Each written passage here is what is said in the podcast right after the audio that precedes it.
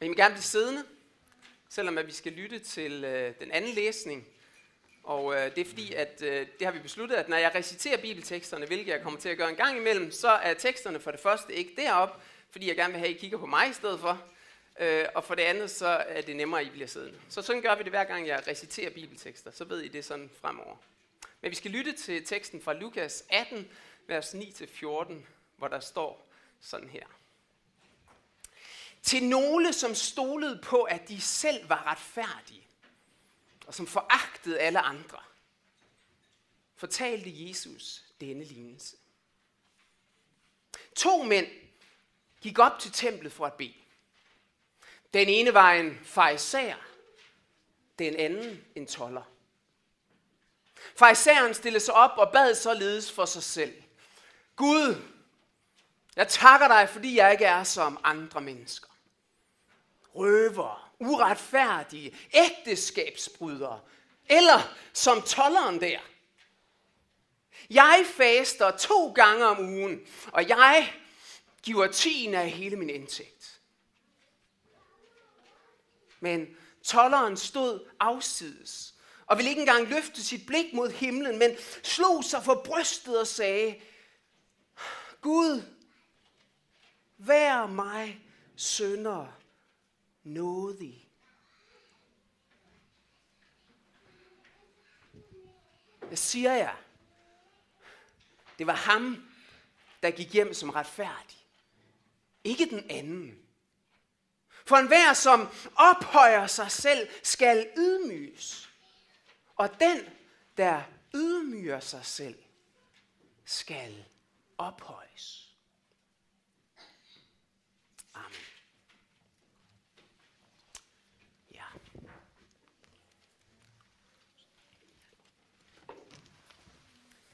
Hvem er det, Jesus taler til i dagens tekst?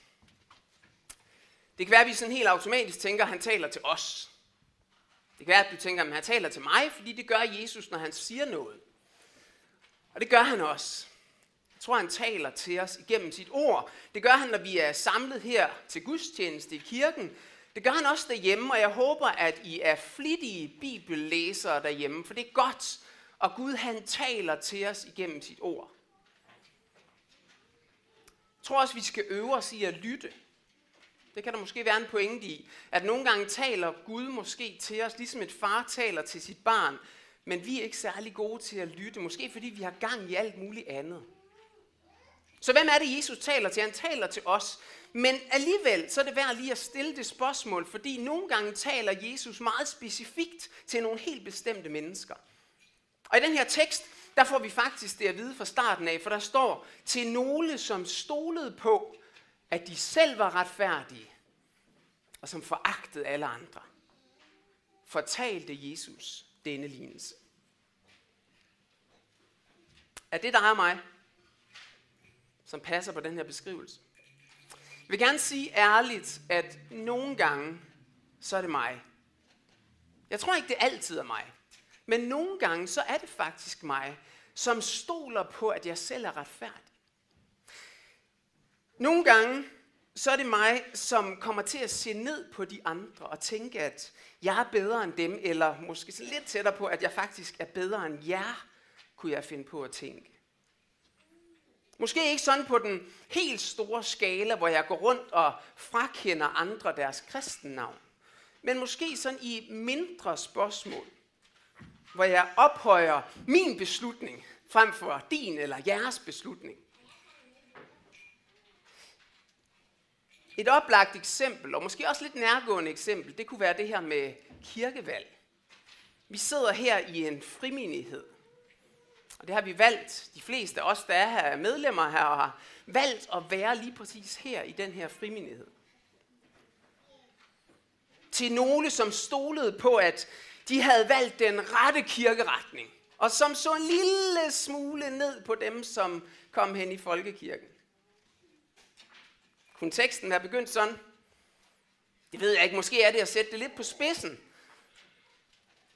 Fordi faktisk så tror jeg, at det, som Jesus taler om, det stikker langt dybere end kirkeretten. Dem Jesus taler til her, det var faktisk nogle, som ægte stolede på, at de selv var retfærdige. I sig selv. Og som derfor foragtede, som for eksempel foragtede tolleren herover. Fordi han var det ikke. Han var en sønder. Og ved I hvad, sådan er mit syn på mine kristne brødre og søstre i folkekirken, eller for den sags skyld Pinsekirken og Baptistkirken og alle mulige andre kirkesamfund. Sådan er mit syn ikke, at de per definition ikke er kristne, fordi de har valgt en anden kirkeretning. Det håber jeg heller ikke jeres er. Men derfor kan man alligevel godt overveje det i forskellige sager, om vi har den her tendens til at hæve os over de andre. Hvordan er i virkeligheden vores syn på andre mennesker, når det kommer til stykket? Er der nogen, som du, hvis du skal være helt ærlig, foragter? Er der nogen, som du ser ned på? Glemmer vi indimellem, at alle, og jeg mener virkelig, alle mennesker er skabt i Guds billede. At alle mennesker er elsket af Gud. Også mor og far, når jeg er lidt sur på dem og træt af dem. Også mine børn, når de er ved at drive mig til vanvid. Men også min kollega, som jeg virkelig, virkelig har det svært med. Og faktisk også Taliban-krigeren, som rykker frem ned i Afghanistan lige nu. Alle mennesker på den her jordklode er skabt i Guds billede, og Gud elsker hver eneste lige så højt, som han elsker dig og mig. Hvis vi skal være helt ærlige, er der så faktisk nogen i menigheden, som vi tænker lidt lavt omkring. De har altså ikke sådan helt styr på kristentroen, lige så godt som jeg har.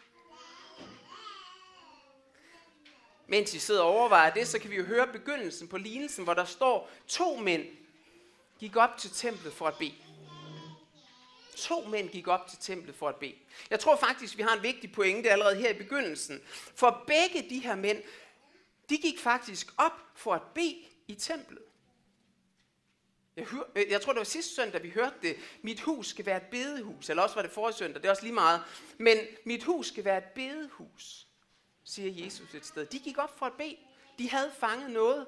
Og når vi lytter til begyndelsen på bønnen hos fejseren, så viser det også, at han ikke var helt på vildspor.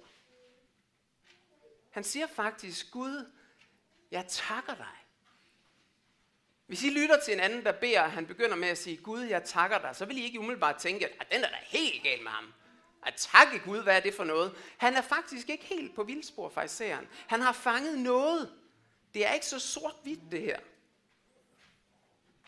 Men så er der også noget, som går helt galt for ham. Han havde ikke misforstået alt, men han havde misforstået noget helt grundlæggende. Og hvad var det? Jeg tror, at det var det med, at han ikke, han satte sit eget først. Han begyndte ikke ved det, som Gud han havde gjort faktisk. Han begyndte ved alt det, som han kunne vise frem i sit eget liv.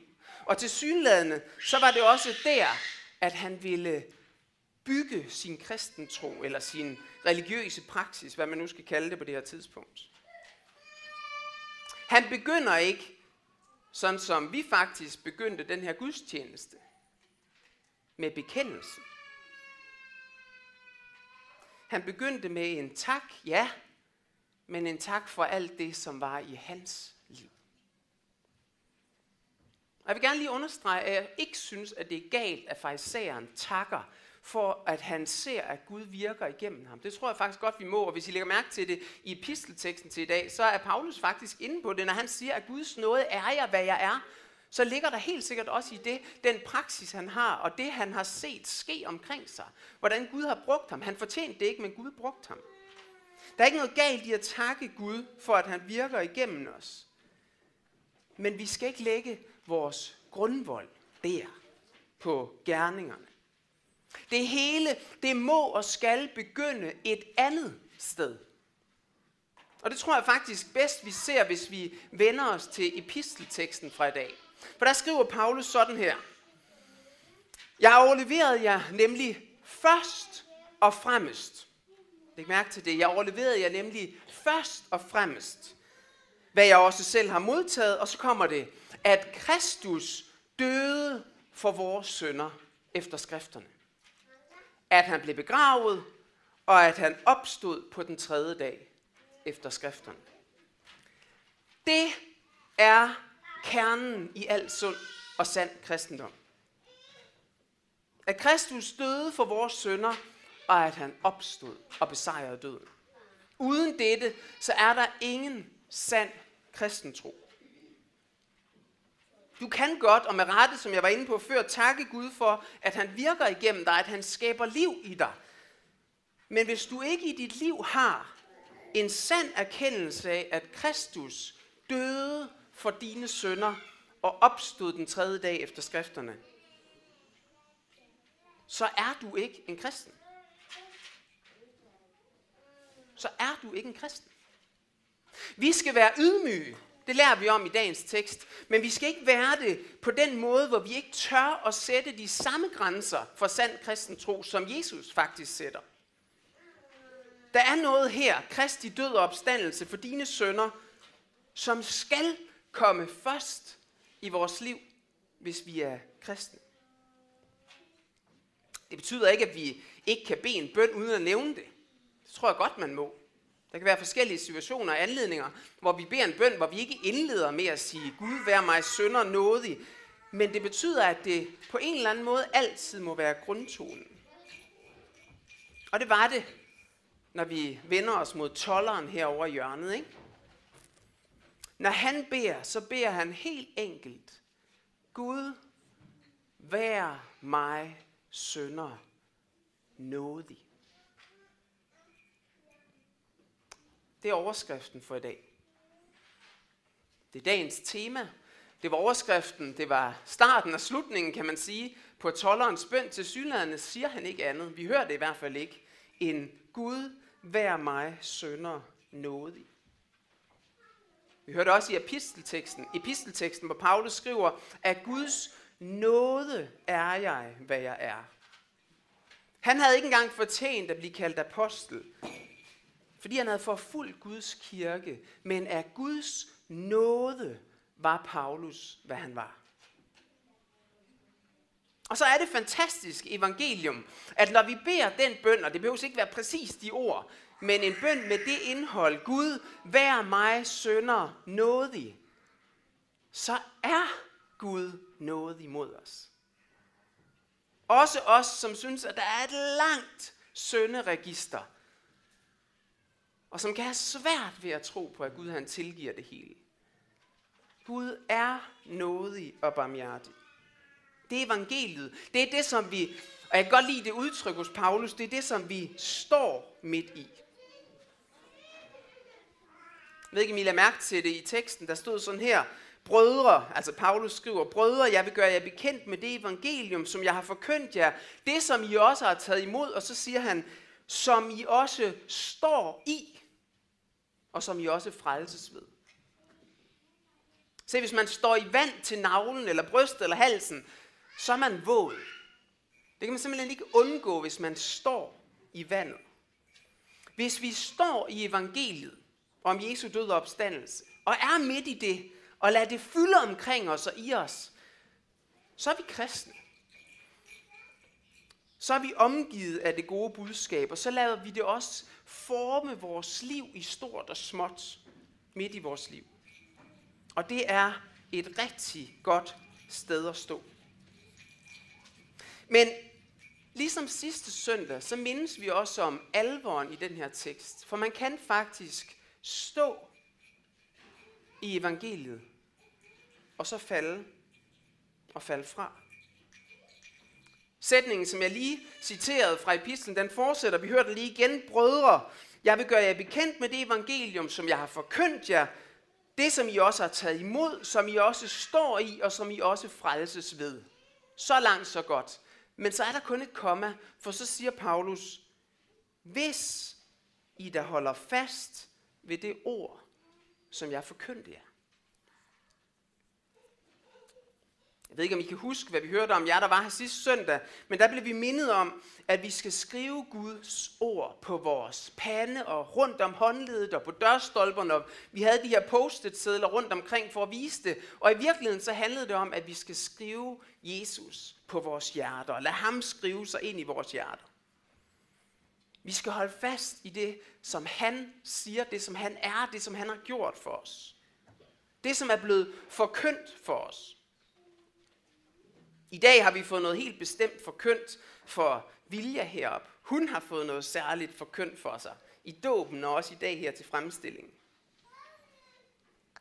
Jeg går ud fra, at I hørte efter før, men I får den lige igen. Der blev sagt til Vilja, den almægtige Gud, hvor Herre Jesu Kristi Far, som har genfødt dig ved vand og helligånden og skænket dig søndernes forladelse, han styrke dig ved sin nåde til det evige liv. Han bevarer din udgang og indgang fra nu af og til evig tid. Ved I hvad? Det er kæmpe store ord. Og de er forkyndt for vilje, og de er forkyndt for hver eneste af os, som er døbt og tror på Jesus. De her ord og mange andre ord, som er forkyndt os, skal vi holde fast i, så vi bliver bevaret i troen. For ellers er det, som Paulus skriver, til ingen nytte, at vi kommer til tro. Og jeg ved godt, det er bare ord sådan en søndag formiddag. Men ellers er det til ingen nytte, at vi kommer til tro, hvis ikke vi holder fast. Vi skal holde fast i ordene, Gud, vær mig sønder nådig. For tolleren i lignelsen, der var det her hans bøn. Det var det eneste, vi hører ham sige. Gud, vær mig sønder nådig. Og Jesus slutter af med at sige, at det var ham, der gik hjem som retfærdig. Og nogle af os har hørt lignelsen eller reciteret den så mange gange, så vi har svært ved at blive overrasket. Men der var faktisk grund til overraskelse for dem, der stod og lyttede, at tolleren, sønderen, ham som de ikke regnede for noget, var ham, der gik hjem som retfærdig. Og det gjorde han kun i kraft af Guds tilgivelse. Og så var han faktisk, nu er jeg jo faktisk ikke så god til græsk, som, hvad var det han hed? Richard Ritzia. Så god til græsk er jeg ikke, tror jeg. Men jeg har læst nogen, som er gode til græsk, som faktisk siger, at det, der egentlig står i teksten, det er, at tolleren gik retfærdigt gjort hjem. Faktisk det udtryk, som Paulus senere bruger mange steder i sine breve. Det vil sige, han var ikke mere over for Gudens sønder. Og så kom jeg til at tænke på, da jeg forberedte den her prædiken, hvad så dagen efter? Hvad bad han så? Og jeg tror, at tolleren, og også med rette, dagen efter bad, Gud, vær mig sønder nådig. Af mange forskellige grunde. Blandt andet fordi han havde brug for at blive mindet om, at det var hans virkelighed uden Gud. Også fordi, at synden bliver ved med at angribe os, som Paulus skriver om flere steder. Men på en måde er der noget lidt ironisk i det, for over for Gud, så var han gjort retfærdig den dag. Og vi skal blive ved med at bede Gud være mig sønder nådig, men vi skal gøre det i en eller anden dobbelthed af, at vi samtidig ved, at lige nu, kære venner, så sandt du sidder her og har bekendt din søn for Gud, da vi har skriftmål og har fået tilsagt søndernes forladelse, så er du 100% over for Gud ren og retfærdig. Himmelen værdig. Lad os bede.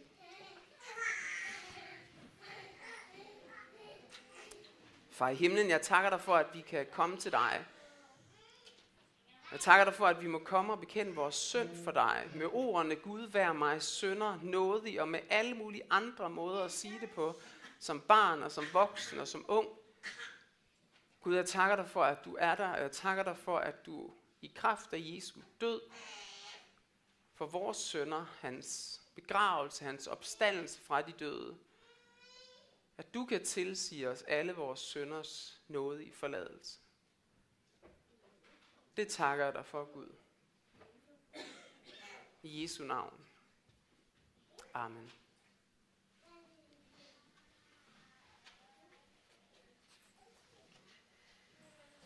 Så vi rejser os og sammen sige, hvor Herre Jesu Kristi nåde og Guds kærlighed og Helligåndens fællesskab være med os alle. Amen.